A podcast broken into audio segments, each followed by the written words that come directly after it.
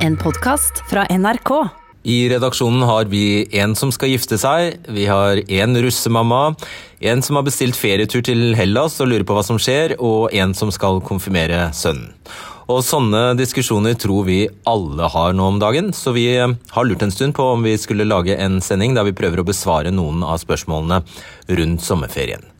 Så det er det du skal få høre nå, egentlig. Debatten tar utgangspunkt i de nye reglene som skal trå i kraft 7. mai. Du hører Espen Nakstad, Kristin Krohn Devold, Iselin Nybø, Tor Erik Standal, Bjørn Heiseldal, Bente Bratland Holm, Odd Roar Lange, Nina Melsom og Hans Christian Gabrielsen. Hmm. Norgesferie? Ja, liker tanken. Det gleder vi oss til. Det skal bli koselig, har du kanskje tenkt.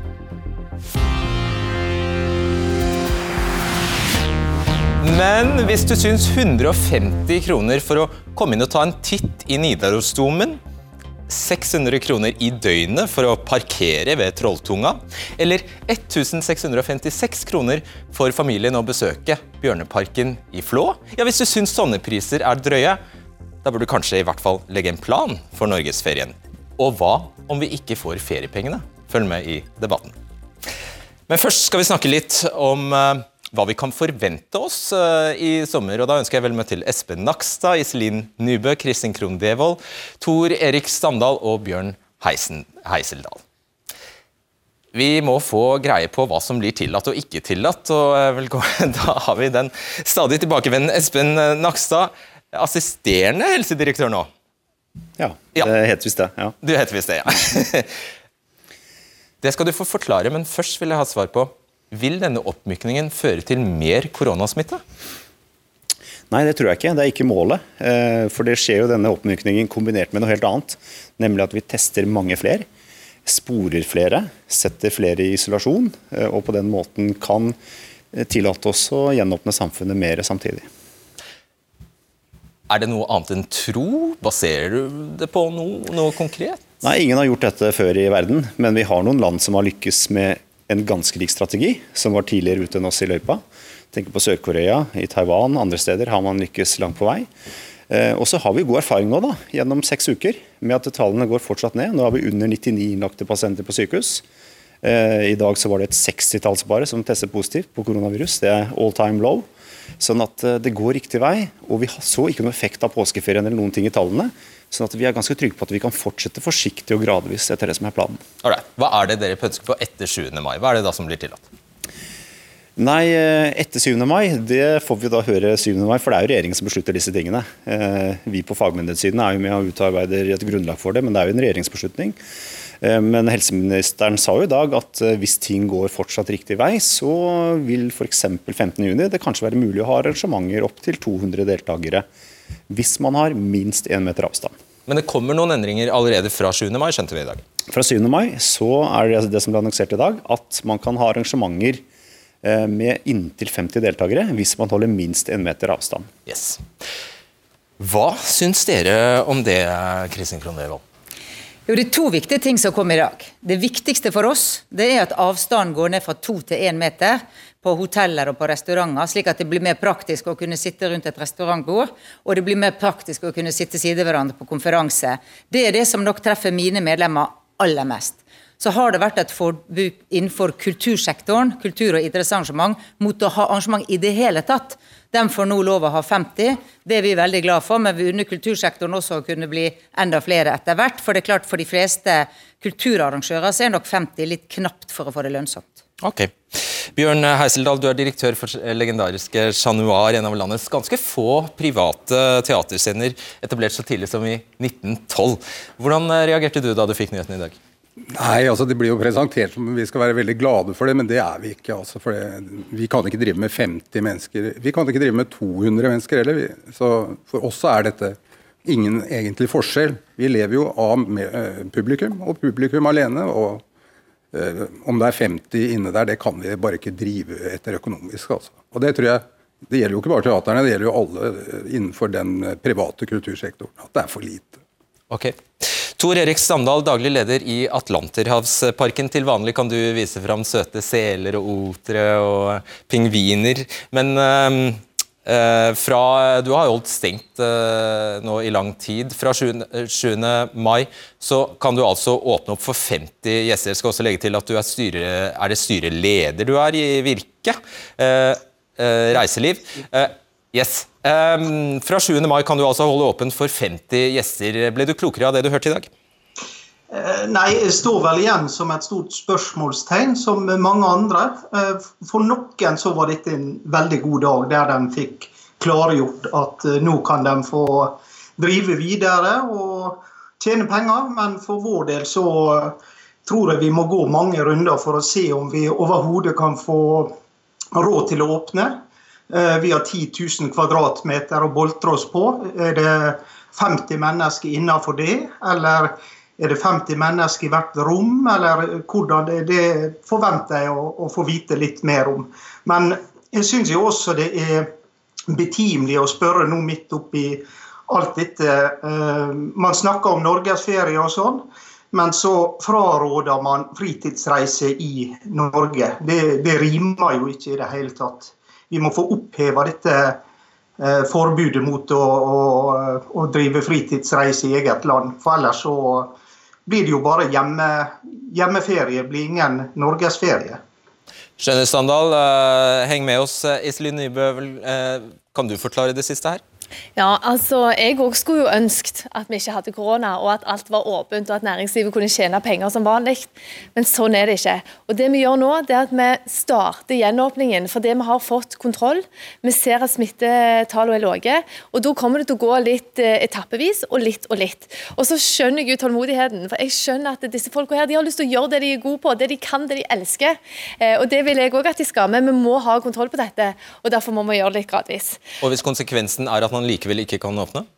Ja, altså, Det er fortsatt en del, eh, en del, virksomheter som må holde stengt som følge av en forskrift eh, som vi har.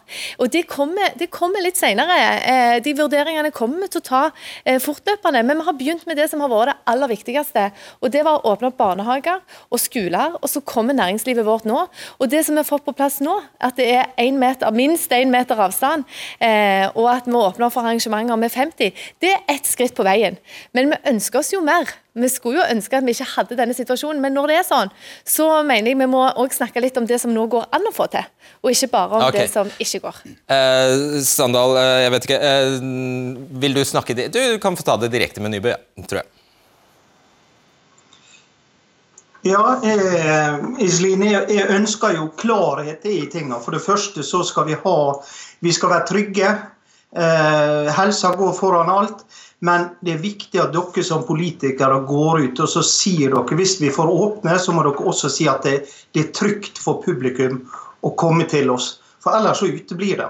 Da, da, blir vi sittende der med store kostnader, økte kostnader på, på renslighet og renhold og sånn, og så uten at vi klarer å tjene penger. Og da går vi Det går feil vei, dessverre. Så så jeg håper at dere er raskt ute og får gjort endringer som du, du lover. Ja, Vi tar disse for, eh, vurderingene fortløpende. og vi, vi, håper jo, hvis ting eh, går sånn som det ser ut, at vi kan åpne mer ja, men Kan du si det er trygt, og, som han etterlyser? Og Det som han er inne på, det, det synes jeg er kjempeviktig. Og det her skjer det mye bra arbeid. Altså Her skjer det mye bra arbeid hos NHO, hos kan Virke, si med bransjene. Det er trygt? Ja, men Det er jo det de jobber med. De jobber med å få på plass Ja, men Nå har du sagt fra 7. mai kan han holde åpent for inntil 50 gjester, bare de holder én meter avstand. Da bør du kunne si det er trygt. Ja, Men det handler jo ikke bare om han. Dette handler jo om hvis Nei, vi skal reise på, Nå er det han som spør deg. Hvis vi, ja, hvis vi skal reise på norgesferie, så må du vite at det er trygt å bo på hotell eller besøke museer eller være på arrangementer. Og Da må bransjene sette seg ned og lage disse standardene. Det har de f.eks. gjort på frisør. Så, så dette, dette, er sånn som vi jobber med nå. Ja, det, det holder ikke. Kan du si det er trygt? Ja, altså, vi, vi jo si, altså, Det er jo derfor vi åpner opp nå. For det vi mener at ja. Eh, men ingenting er 100% trygt. Det, det, det, må vi akseptere. Okay, det er greit. Vi, må, vi, må, akseptere at eh, det vi gjør nå, det er å åpne opp etter de beste, eh, de beste rådene vi har, den beste kunnskapen Hvis, vi har. Så åpner vi opp pulje etter pulje, nettopp for å holde smittetallene nede. Ok, eh, Nakstad, Vi er en familie som vurderer å dra til eh, Atlanterhavsparken, mm. men er redde for korona. Bør vi dra? Tre ting som avgjør om det er trygt. Det ene er hvor mange som er syke i det norske samfunnet. For det sier noe om sannsynligheten for å bli smitta hvis du er sammen med mange mennesker. Punkt to, hvor mange du er sammen med. I parker og den type ting er det gode arealer, så da blir det heller ikke så tett. Det er liksom den tredje tettheten. Det som er nå er at Den forskriften som regulerer da svømmebasseng, badeland, eh, fornøyelsesparker og den type ting, den, der er det fortsatt et forbud. Det som kom i dag, det er arrangementer med inntil 50 deltakere. Hvis du kan holde en meter avstand. Men det jobbes med disse tingene. Eh, det blir annonsert ting framover av regjeringen, helt sikkert. Eh, I hvert fall håper jeg det. Sånn at dette vil det bli klarere og klarere forhold rundt. Eh, man, man Men det er vel ikke mer korona i en atlanterhavspakt enn eh, i et, eh, i et annet lokale? Eller tar jeg helt feil? Du kan si at Eh, grunnlaget for de tiltakene som er valgt i Norge og mange andre land, er at der hvor det er mest mulig mennesker sammen, altså størst tetthet av mennesker, der har man vært strengest. Nettopp for å begrense smitten når det var mye smitte. Ja, men 50 personer med én meters avstand de krever akkurat like mange kvadrat uansett hvor det er. Mm. Gjør det ikke det? det? Det, kan du si. Sånn at uh, Det er derfor det jobbes videre med disse sakene. Kristin Kroner. Ja, jeg vil først si at jeg representerer NO Reiseliv, og der har vi hotell, restaurant, fornøyelsesparker og campingplasser, f.eks. Um, og så har jeg sagt at vi er glad for at restauranter og hoteller kan få enklere avstandsregler fra to til én meter. Da kan de drive mye møtevirksomhet og konferanser og restaurantdrift som før. Men vi er også veldig utålmodige på fornøyelsesparkene. Fordi at mange kan holde samme avstand i en fornøyelsespark som de kan i Frognerparken.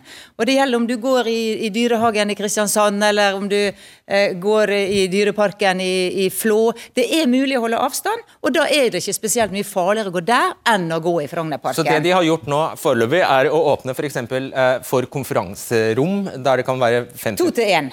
Ja. ja to, fra, gått fra to meter mellom til én meter mellom. Men det har aldri stått en regulering av konferanserom fra statens side. Hvor viktig er det for dere?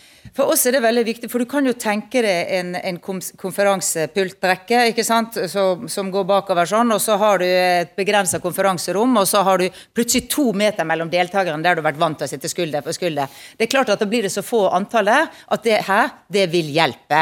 Og så er det da hygiene, som vi vet at hotellet har, for de har klare hygieneveiledere, og avstand og vasking og sånne ting. Det kommer til å gjøre at det er trygt nok. Men jeg vil også hjelpe til alle fornøyelsesparkene til at vi får nye regler. Men jeg, jeg hører det man sier fra myndighetenes side, nemlig at det kommer om en uke.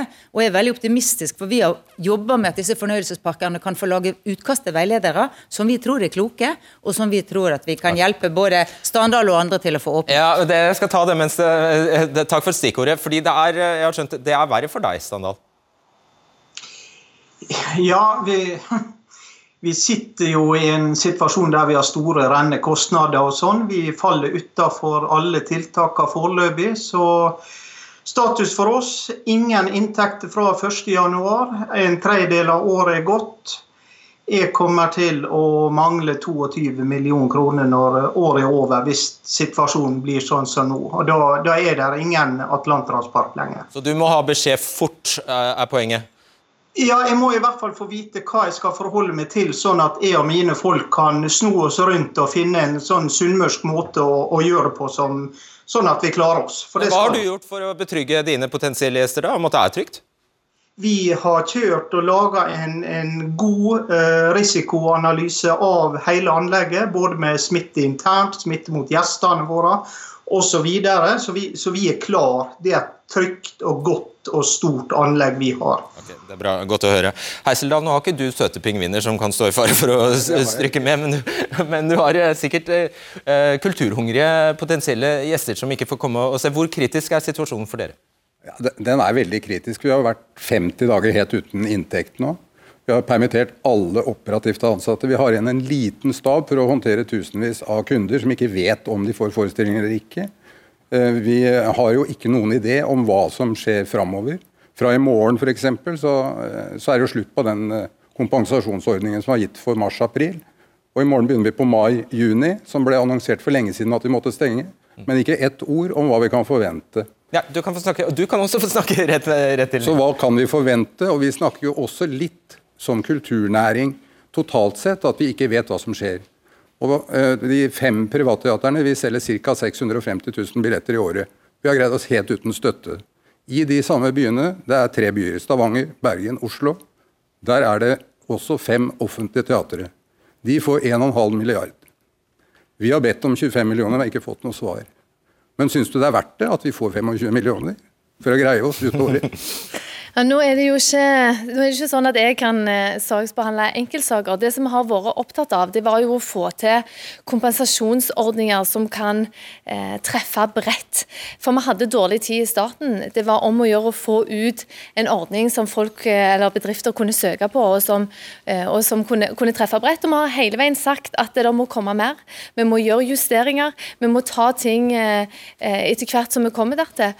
Og jeg forstår veldig godt den utålmodigheten som folk, særlig i næringslivet, eh, som, er, som er min sektor, da, eh, har. For det, de skal tjene penger. Det er det, det, det, vi holder på med i næringslivet. Og Når situasjonen er sånn som den er nå, så må vi gjøre det beste ut av det. Vi har noen ordninger eh, på plass, men vi vet de ikke er perfekte. Vi må jobbe videre hvor, med dem, og det gjør vi òg. Hvor dårlig tid har du?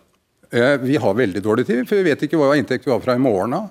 Og det er jo egentlig det som er problemet, at vi lever i en forferdelig usikker verden. Ikke vet vi når vi kan åpne, ikke vet hvor mange vi kan spille for. Ikke vet vi noen ting om økonomi.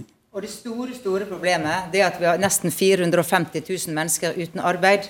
Og Det er det det handler om. Det handler om å få åpne alt mulig så ansvarlig som mulig, slik at 450 000 mennesker kan gå tilbake til jobbene sine. Åpner vi for seint, så er det ingen jobber. Det gjelder hoteller, det gjelder scenene, ja. det gjelder dyreparkene.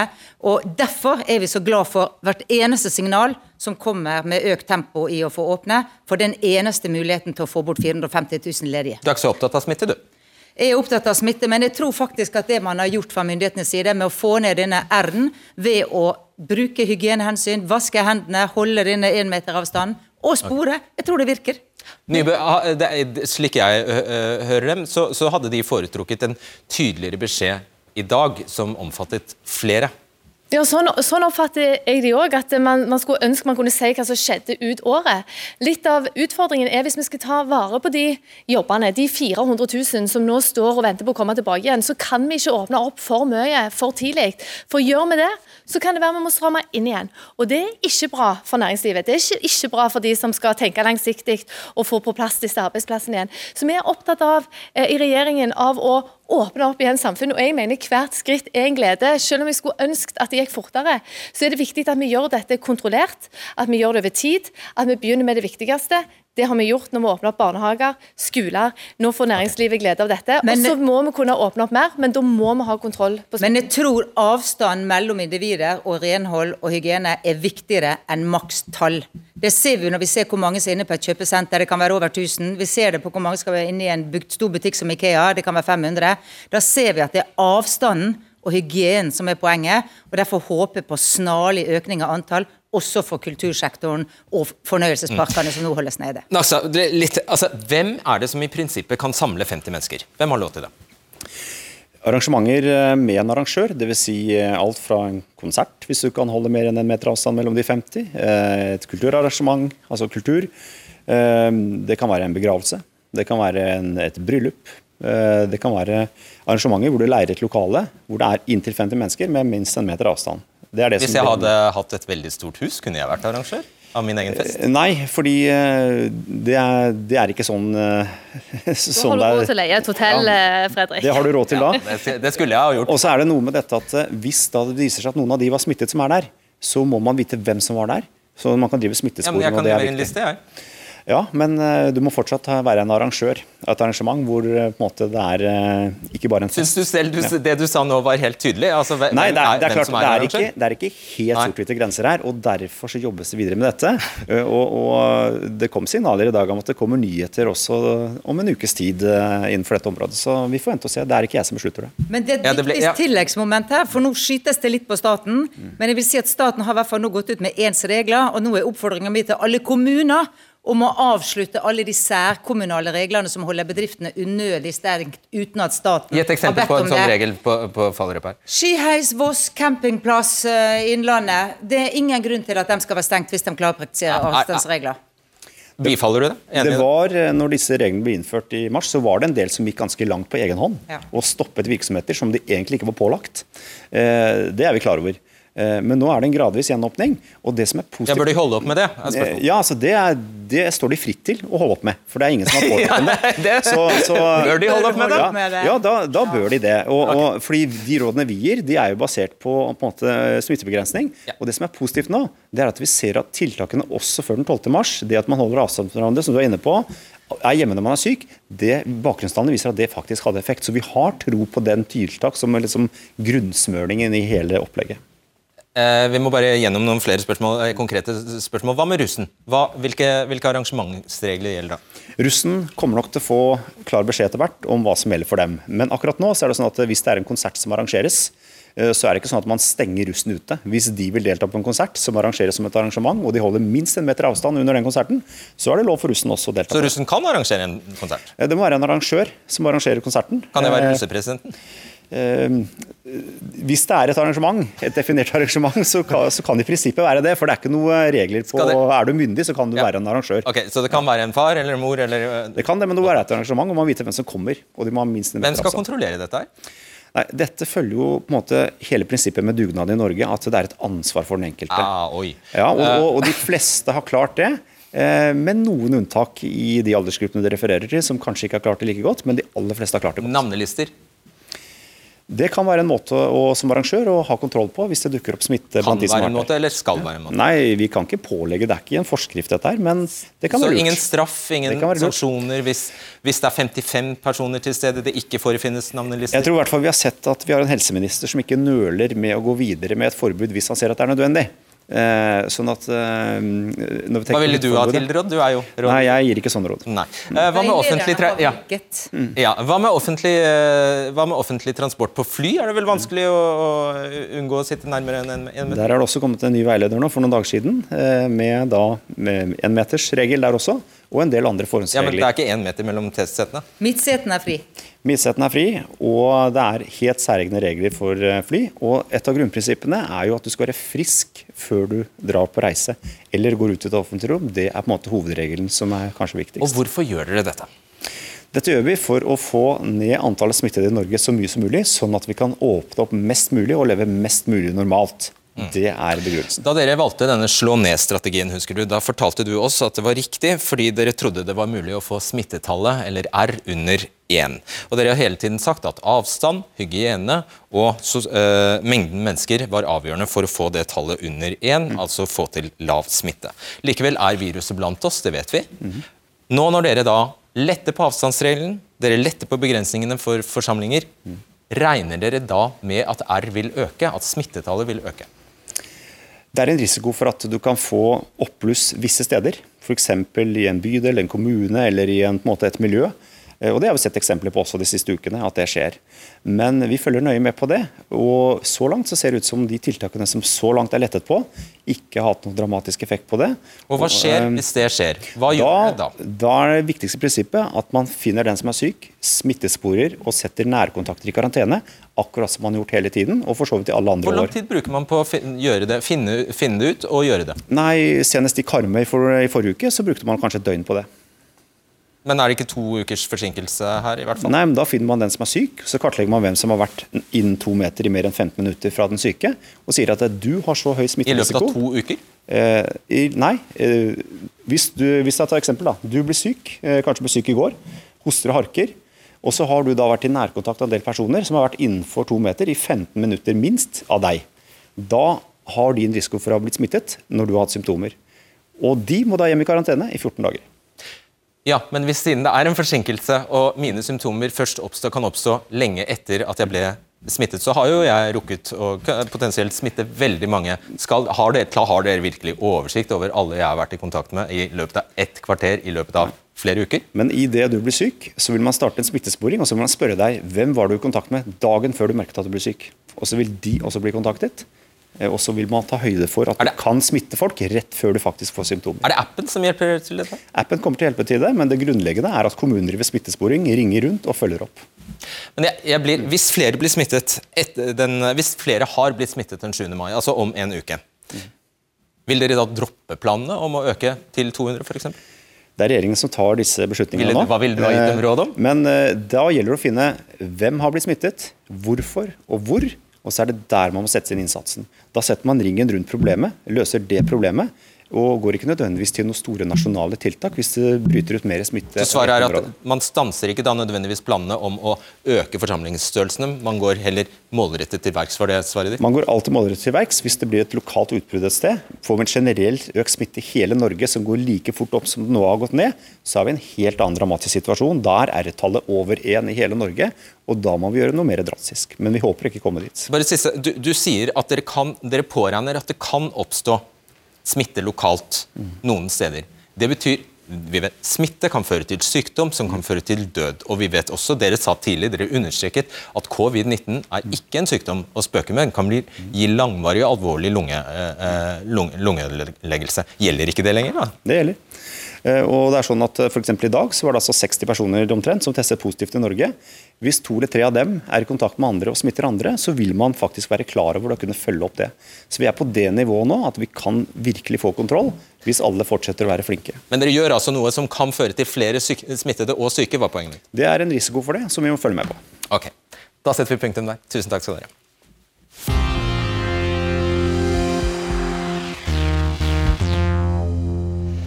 Vær ikke for sikker på at du får feriepengene i juni. Hmm. Mer om det mot slutten av debatten.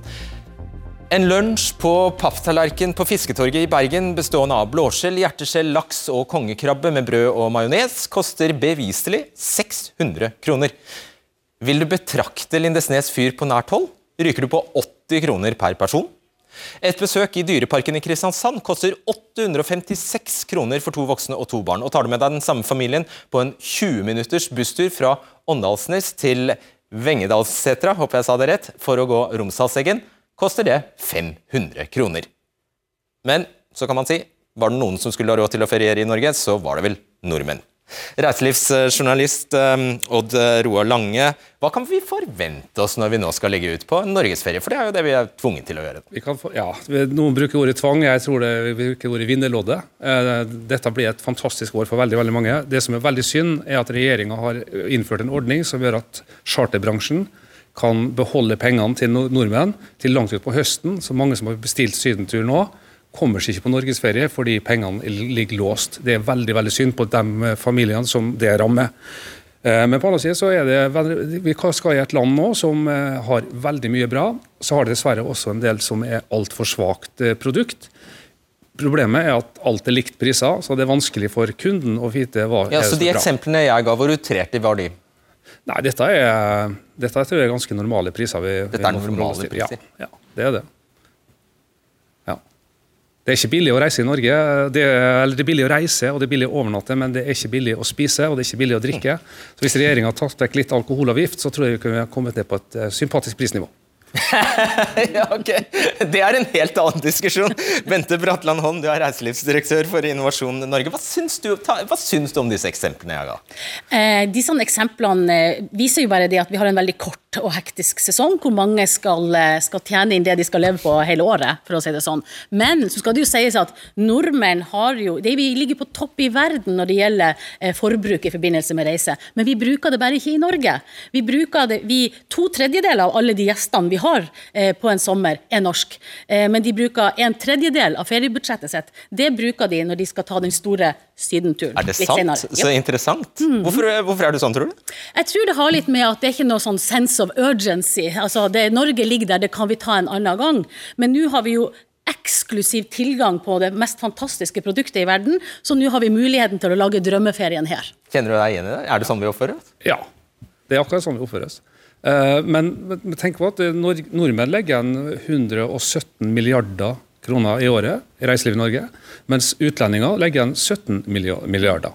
Så vi allerede er vi er å, å holde reiselivet oppe. Ganske mange flere nordmenn her enn utlendinger, da. Ja, det er det. Og det, men derfor det blir, for Vi betaler egentlig litt mindre per person, men vi er så mange, så da monner det godt. Ja, nettopp. Du, eh, økt pågang, vil det påvirke de allerede høye prisene som vi skjønner?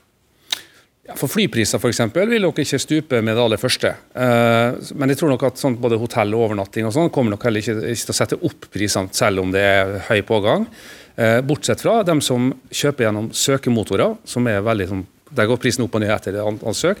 Min oppfordring er at folk skal kjøpe hotellovernatting eller campingplass rett fra uh, tilbyderen ikke gå via søkemotor. For da forsvinner også en del av pengene til utlandet. Så la hotellene få beholde de pengene sjøl. Er det dyrere å bruke disse søketjenestene? Nei, ikke for kunden, men det, det er penger, en del av pengene forsvinner, opptil 30 forsvinner til utlandet. Bedre enn det. 90 ja. Der lærte vi noe nytt.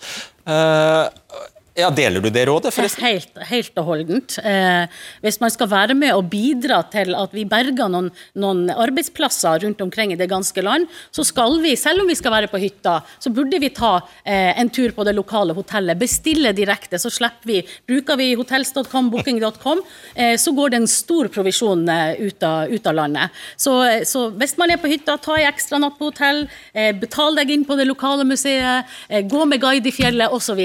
Det må du gjøre. Nå sa jo du selv at, at, disse prisene jeg ga eksempler på her, de var et utslag av at det er en kort, sammenpresset uh, sesong, og at de er bare nødt til å tjene pengene de skal leve på resten av uh, året i, i sommermånedene.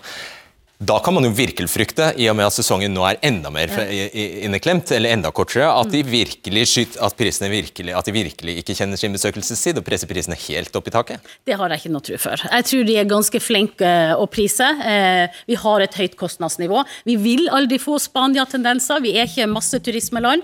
vi har god kvalitet, små grupper, og da må de ta den prisen de skal ha. Men ville de ikke være ganske dumme hvis de ikke utnyttet en sånn situasjon, der vi uansett er stuck?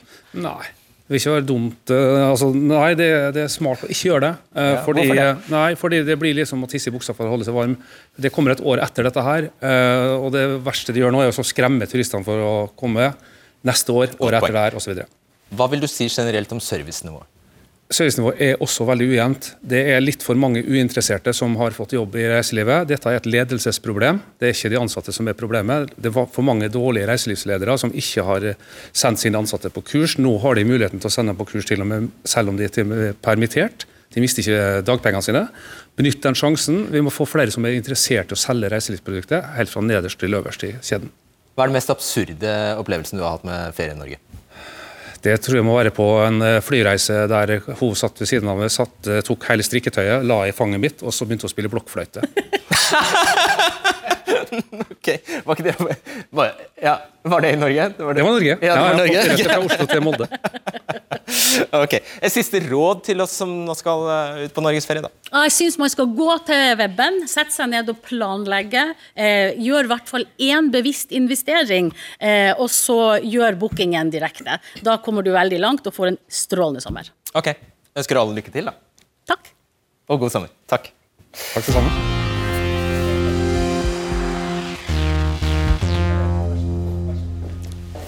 I fete typer over hele forsiden over, eh, i Dagens Næringsliv kunne vi i dag lese 'Feriepenger i fare'. Som om ikke feriepenger var en tvangssparing av lønn, og penger som eh, faktisk tilhører oss eh, arbeidstakerne. Nina Melsom, du er direktør for NHO Arbeidsliv. Dere har gjennomført en undersøkelse blant deres medlemmer denne uka, som altså ble slått opp i DN i dag. og Den viser at opptil hver fjerde bedrift faktisk vil slite med å betale ut feriepenger. Eh, først, hvem er disse bedriftene? Eh, det, vi har gått ut med en uh, spørsmål til våre medlemsbedrifter. Og Det er jo Det går ut til alle, et utvalg av våre bedrifter. Men, men, de som sier at de sliter mest, det er reiselivsbedriftene og de små bedriftene. Ja, og de sier det jeg sa, at eh, de vil kunne få problemer med å rett og slett betale ut de rettighetsfestede feriepengene. Ja, for dette er jo penger som egentlig tilkommer de ansatte. Eh, som, eh, men, men, systemet er sånn at du trenger ikke å sette de på en egen konto. Det er nok at du skal regnskapsføre de pengene. Og nå er likviditeten i bedriften så dårlig at de sier at de kan ikke, klarer ikke å betale ut, eller de er usikre på om de klarer å betale ut. Hva skjer da, Hva skjer da LO-leder Hans Christian Gabrielsen? Hvis det skjer, Hva tenker du om den undersøkelsen? For det første så er jeg, er dypt sjokkert egentlig over omfanget som den undersøkelsen viser. Vi, vi, vet jo at det forekommer eh, også i en normalsituasjon at man eh, ikke får utbetalt eh, feriepenger. Da er jo løsningen å kreve frem et krav for arbeidsgiver Og i ytterste konsekvens slå arbeidsgiver konkurs. Da trer lønnsgarantiordningen inn, og du får feriepengene dine. For det er riktig som jeg sa, dette er dine penger som arbeidstaker. Dette, dette er dine penger. Dette, dette er de pengene du tjente i 2019, Mm. som du skal få utbetalt i eh, juni i år til ferien din.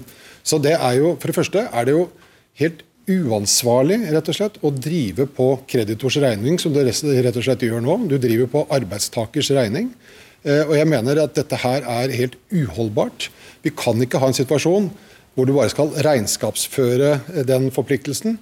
Jeg mener også at det kreves en lovendring her sånn, som gjør at du faktisk må avsette disse pengene på samme måte som du må gjøre når du skal avsette til skatt. Jeg Tror det vil overraske veldig mange at du faktisk ikke er nødt til å ha disse pengene?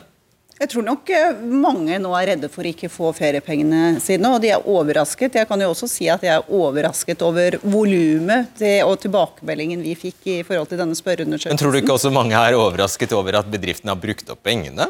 Du, dette er en forpliktelse. De, de har ikke noen plikt til å sette dette på en egen konto.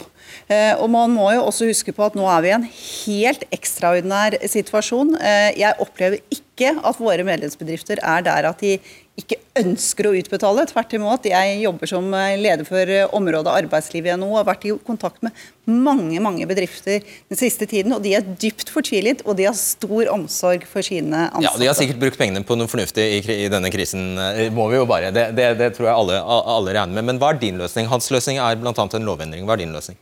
Ja, jeg tenker at Løsningen er i hvert fall ikke å slå dem konkurs. Eh, fordi at Hvis du slår bedriftene konkurs, så vil jo ikke de ansatte ha noen jobb å gå til, og det er ingen tjent med. Så her, er det, her tror jeg vi må ha liksom to tanker i hodet på en gang. Eh, En, en gang. Det ene er å løse hva gjør vi i år? Og så må man tenke på er dette, gir dette grunn til å tenke annerledes fremover. Eh, og Da foreslår Hans Christian Gabrielsen en lovendring fremover. og Da har jeg lyst til å si at jeg har ikke lyst til å si hva skal den lovendringen eventuelt være for fremtida. For det må vi konsekvensutrede hva som vil tjene Ah, på en ok. måte ja, men Du kan tenke høyt. Det er lov å tenke. Hva gjør vi nå? Hva vi gjør nå, da tenker jeg at eh, det er to løsninger jeg ser for meg. Mm. Det ene er at man kan eh, se for seg at man kan bruke kompensasjonsordningen og utvide den til også Altså kontantstøtteordningen? Kontantstøtteordningen, Så- ja. Ok, at, Altså at staten skal betale disse 10,2 prosentene til bedriften, egentlig? da? Ja, og så må bedriften selvfølgelig betale videre Ja. til de ansatte. Eh, da, Den, den da er- på, hos skattebetalerne. da. Den, det vil den da gjøre. Mm. Men det har jo hele på kontantstøtteordningen, så er jo der.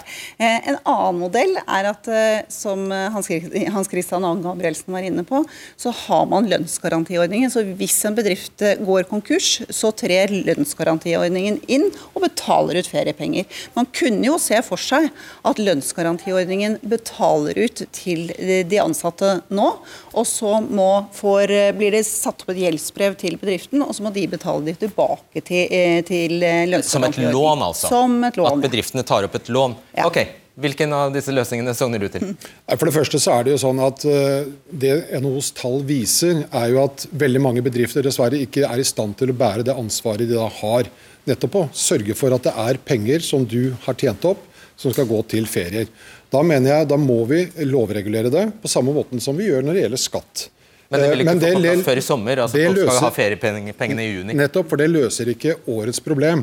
Og jeg må si at jeg har en ganske stor aversjon mot å peke på kontantstøtteordningen og si at det er du og jeg som nå skal spytte inn penger til bedrifter som har brukt de ansattes penger som var satt av for i fjor. I den grad vi skal finne en løsning, for jeg er opptatt av mine medlemmer at de ansatte skal få feriepengene sine, så må det være et lån. Og det må innrettes på en slik måte at, bedrift, at uh, pengene går direkte til Ja, de Hva hjelper ansatte. det hvis bedriften er konkurs? Da er det jo Nei, men bedrift å betale det lånet. Men jeg sier, hvis vi skal gjøre dette her sånn, som NHO foreslår, f.eks. med en ordning gjennom eh, lønnsgarantiordningen, og da tenker jeg ikke på en konkurs, men i forkant av det, så må det være slik at pengene går direkte til de ansatte, ikke via bedriften. For da er vi ikke trygge på at pengene faktisk går til eh, utbetaling av feriepenger. Er ikke bedriften like langt, da? Jeg er opptatt av hvordan de ansattes eh, krav blir ivaretatt nå. Vi må sikre at det er trygghet for at feriepengene kommer. Og Da må vi se på i fellesskap om det er mulig nå i år å finne en løsning spesielt. Men på sikt så er det helt åpenbart at her må vi ha en lovregulering. Jeg tror vi tar det første først, fordi nå sitter det antagelig ganske mange tusen og eh, har blitt ganske skjelven faktisk av å høre at feriepengene kan stå, eh, stå, på spill. Er det en risiko for at noen ikke får feriepengene i år fordi bedriften rett og slett ikke har satt av de pengene? Er det en risiko? Det er jo selvfølgelig en risiko når det er tilbakemeldingen, men da har de altså det virkemidlet at de kan begjære bedriften konkurs, og da får de penger via lønnsgarantiordningen. Men det er jo ikke noen god løsning. fordi at eh, da, Ja, da får du feriepengene, men da har du kanskje ikke en jobb å gå til i den andre enden. Så ergo så, så tenker jeg at vi har en fellesinteresse, LO og NHO, å prøve å finne en modell som sikrer de ansatte for men, denne ferien. Men det må jo skje sabla fort? Altså, for det første så er det viktig å være klar over at Her er det ikke noen ansatte som har gjort noe galt. Det er bedriften som har drevet på Ja, men Det skjønner vi jo. jo, jo men, altså, det, men det blir jo de ansattes problem, da. Det blir de ansattes problem. og Jeg er opptatt av at de ansatte skal føle trygghet for at de får feriepengene sine. Da må vi se om det er mulig å få til en slik løsning i år. Så må vi gjøre andre ting på sikt.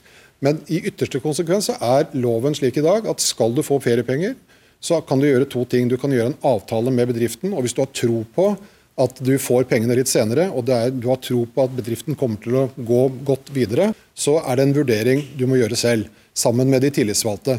Er det slik at du ser at her er det utsikter til snarlig konkurs, så må du ikke vente. Da må rett og slett du ta kontakt med de tillitsvalgte og forbundet ditt. Så vil også LOs advokater bistå i den prosessen. For ellers så blir pengene borte, og det er her lønnsgarantiordningen kommer inn, slik at du er trygga og sikra både lønn og utestående feriepenger. Jeg leser det slik. Åkkesom så må man som arbeidstaker eh, foreta seg noe her. Man kan ikke bare sitte helt passiv og vente. Nei, og du må, du må, vente, altså du må handle uten ugrunna opphold hvis du ser at her er det fare på ferde. Da må du ta kontakt med forbundet ditt og de tillitsvalgte, og så skal vi bistå. og Vi er opptatt av at folk skal få feriepengene sine. Takk for folkeopplysningen. NRK har brutt god presseskikk i en sending av Debatten i mai 2019. Det fastslår Pressens faglige utvalg, PFU, som er klageorgan for norske medier. Sendingen omtalte en rapport fra Mattilsynet som ble trukket tilbake grunnet feil. I sendingen ble et medlem av Dyrevernnemnda, som hadde vært på tilsyn på en pelsdyrfarm, tildelt et hovedansvar for den omtalte feilen.